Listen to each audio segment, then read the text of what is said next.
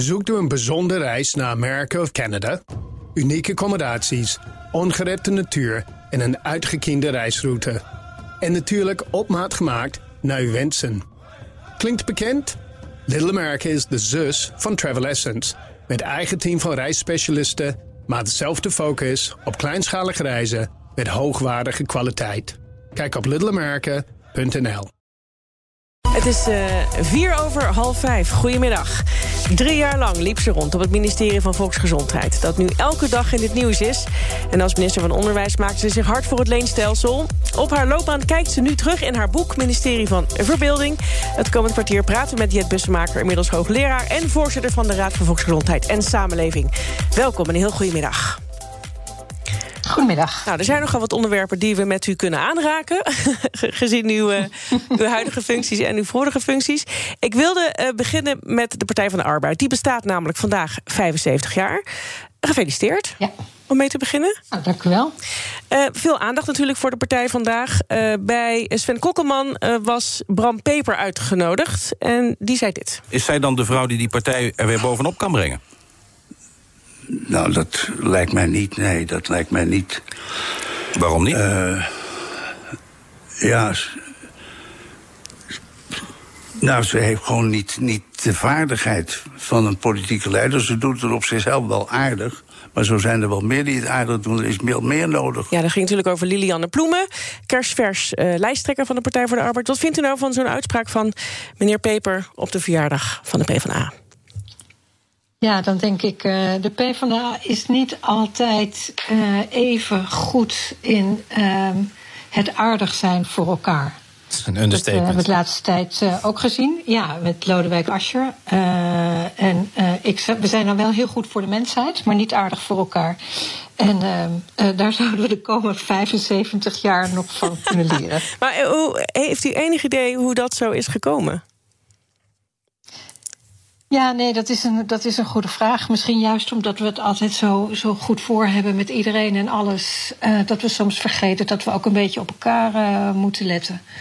Um, en dat we elkaar heel hard nodig hebben. En dat er genoeg is in de buitenwereld waar we gezamenlijk Bram Peper en Lilian Ploemen uh, voor, uh, voor zouden moeten willen vechten. Ja, doet hij de partij niet tekort? Misschien is het ook een generatiekwestie. Uh, Bram Peper is ook wel van een generatie die echt ook anders is dan mijn generatie, die, die dezelfde is als Lilian Ploemen.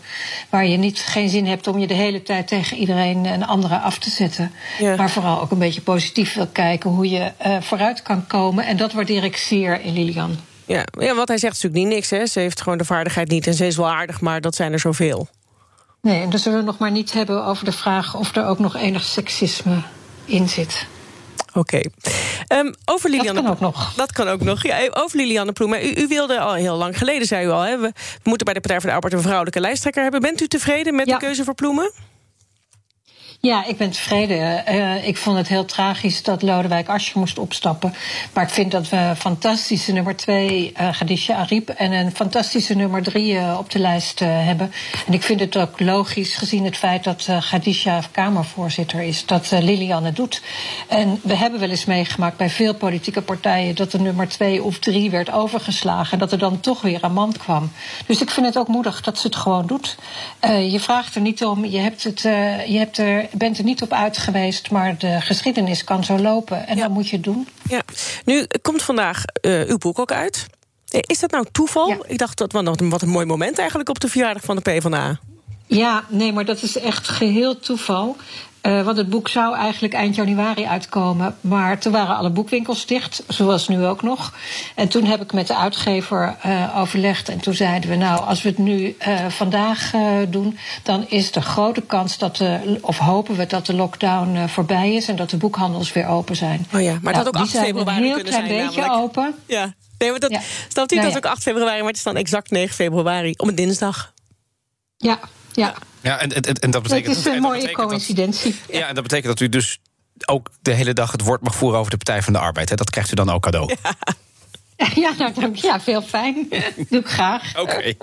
Ehm, in uw boek, ehm, daar begint het al vroeg mee trouwens, over ehm, de, de relatie tussen GroenLinks en de Partij voor de Arbeid. U bent begonnen bij GroenLinks en vervolgens naar de ja. PvdA gegaan. Femke Halsma heeft de omgekeerde beweging gemaakt. Dat lezen we ook in uw boek. Um, het gaat dan ook over die linkse samenwerking. Dat idee leeft nu weer hè? In, in een andere vorm. Het gaat niet over een fusie. Het gaat over als we gaan regeren, doen we dat samen. Hoe staat u daar nu in? Het voelt namelijk een beetje als een, als een slap compromis. Dan laten we het dan maar zo doen in plaats van gewoon goed aanpakken en fuseren. Nou, kijk, uh, ik, ik, denk dat het wel een goede aanpak is. Want uh, als ik kijk naar fusies, niet alleen bij politieke partijen, maar bijvoorbeeld ook bij scholen of zorgorganisaties, worden die niet altijd ingegeven door de beste motieven. Hè. Dan wil men vooral alleen groter worden, zonder dat men nadenkt wat echt de boodschap is, wat de maatschappelijke taak is. En daarom vind ik het goed dat uh, PvdA en GroenLinks dat ze dat van onderop doen. Maar ik ben wel een heel groot voorstander van uiteindelijk steeds meer samenwerking tot je uh, één partij bent. Dus toch die fusie? Uiteindelijk wel, maar wel in die volgorde. Dus ik hoop heel erg, vind het mooi dat men nu zegt: we gaan uh, niet zonder een andere linkse partij uh, uh, aan een kabinet deelnemen. Dan hou je elkaar vast. Ik hoop ook bij gemeenteraadsverkiezingen over twee jaar dat er dan op lokaal niveau ook echt gewoon bondjes gemaakt worden, gezamenlijke plannen gesmeed worden. En dat je van daaruit zegt: we gaan, we gaan die samenwerking verder vormgeven. Maar het gaat alleen lukken als bij beide partijen er een echt een duidelijke roep vanuit de leden is. Je luistert naar BNR in de middag. De gast is oud-minister Jet Bussemaker... die het boek Ministerie van Verbeelding schreef. Ja, dan moeten we het ook nog even hebben over corona natuurlijk. Want u was drie jaar staatssecretaris bij het ministerie... nou, dat nu denk ik dagelijks in het nieuws is, eh, VWS. Eh, en u bent nu voorzitter van de Raad voor Volksgezondheid en Samenleving. Ik wilde met u beginnen met de actualiteit. De avondklok die wordt verlengd tot vooralsnog... schrijft Mark Rutte vandaag op Twitter 3 maart. Um, u was niet eerder overtuigd van het nut van die avondklok. Dat was een aantal weken geleden, hè, toen die werd ingevoerd. Hoe is dat nu? Ja, dat gaat mij eigenlijk om de, om de proportionaliteit van, uh, van uh, maatregelen. En um, ik zou heel graag willen zien dat het debat zich wat verbreedt over niet alleen de aanpak van het virus, maar ook uh, het, de effecten van dat, die aanpak, die ook tot grote problemen ehm, in de zorg leiden. En dan mhm. heb ik het niet alleen over de IC's, maar dan heb ik het over mensen die wachten op een behandeling, mensen die depressief zijn, over kinderen die niet naar school kunnen, die hun sociale contacten missen. Ja. En uh, dat vind ik ingewikkeld. Ik kan een avondklok, als het moet om de scholen open te houden, dan kies ik absoluut voor de avondklok. Dat was precies mijn volgende uh, vraag. Wat als u zou moeten kiezen? Hè? Avondklok wel, ja. Eh, maar dan ook de scholen open in plaats van allebei bijvoorbeeld, of uh, scholen dicht en geen avondklok? Nee, ik vind, uh, ik, ik heb in, in het najaar vond het echt vreselijk uh, uh, om te zien met, wat, met in november, 9 november, met alle winkels die open waren, waar mensen super druk in de Kalverstraat, andere winkelcentra waren. Terwijl ik dacht, ja, het eerste wat eigenlijk nu moet gebeuren is dat we zorgen voor, voor goed onderwijs um, en ook uh, voor toekomstperspectief uh, ja. voor de mensen die het meest lijden. zijn jongeren, zijn bijvoorbeeld ook gehandicapten. Mm -hmm. Die kunnen helemaal geen anderhalve meter uh, houden. Dus um, ik vind dat het debat zich wel heel erg verengt. En daardoor wordt het ook in de benadering gaat het alleen over de hamer. Het gaat over de risico's die we nemen. Het gaat over de angst die nomineert. Ja. Want heel schokkend om net te lezen dat in Duitsland ministeries, wetenschappers hebben ingeschakeld om die angst bij mensen te vergroten. Ik zou juist willen redeneren vanuit maatschappelijke veerkracht, vanuit perspectief. Ja, maar nu bent u voorzitter van alleen... de Raad voor Volksgezondheid en Samenleving. Ja. U heeft kortom invloed.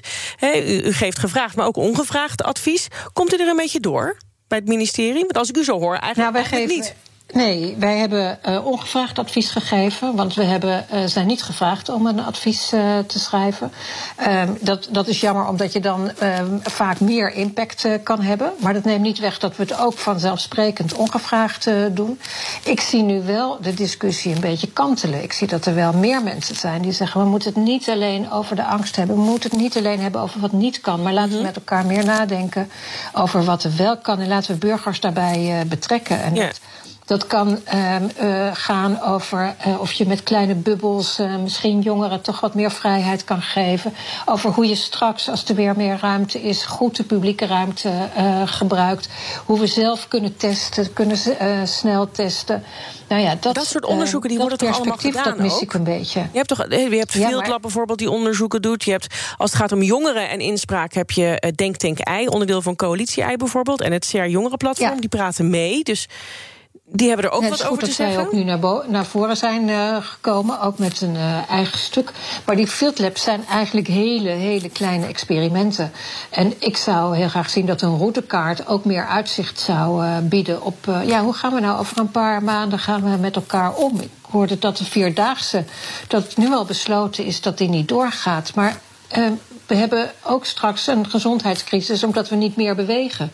Omdat we niks meer met elkaar. Uh, maar die vierdaagse heeft de overheid niet gedaan, dat heeft de vierdaagse zelf besloten. Nee, maar dat, ja, maar dat is natuurlijk wel onder druk van een enorme op risicobeheersing, risicomijdende uh, benadering. Je zou ook kunnen stimuleren. Denk na of er manieren zijn om op een andere manier, maar om dat wel door te laten gaan of op een andere manier met elkaar te wandelen. Oh ja, neem me even mee dan. Dat vind ik wel leuk. Dan hebben we een beetje een concreet voorbeeld, want dat mis ik heel vaak in deze discussie.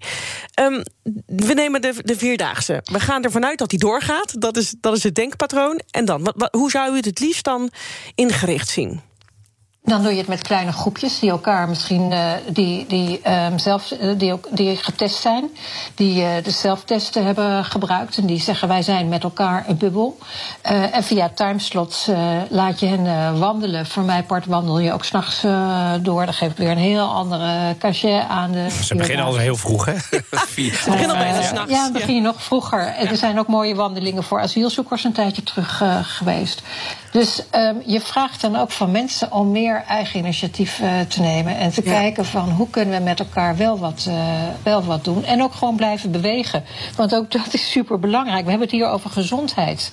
Uh, en dan is het feit dat mensen ook gewoon een beetje buiten zijn, in beweging blijven, denk ik cruciaal in deze tijd. Ja, en dus anders gaan denken. Het lichaam dus niet vanuit dat, juist, en niet vanuit dat risicogestuurde denken, maar vanuit we laten het doorgaan en nu gaan we kijken hoe.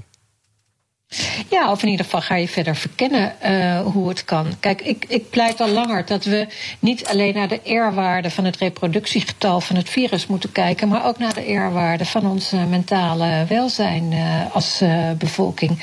En als je dat doet, dan, dan kan je uiteindelijk misschien tot, kom je ook tot andere afwegingen. En ik zeg niet dat alles kan. En ik zeg niet vrijheid, blijheid. Maar um, ik zou wel willen proberen om iets meer langer termijn, iets meer perspectief en iets iets minder vanuit alleen de nadruk op het virus en iets meer vanuit gezondheid algemeen te denken. Dank, Jet Bussemaker.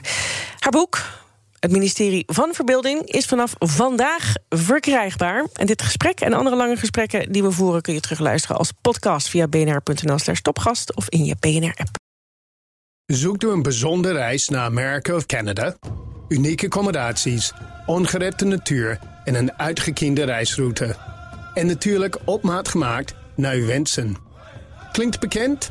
Little America is de zus van Travel Essence. Met eigen team van reisspecialisten, maar dezelfde focus op kleinschalige reizen met hoogwaardige kwaliteit. Kijk op littleamerica.nl.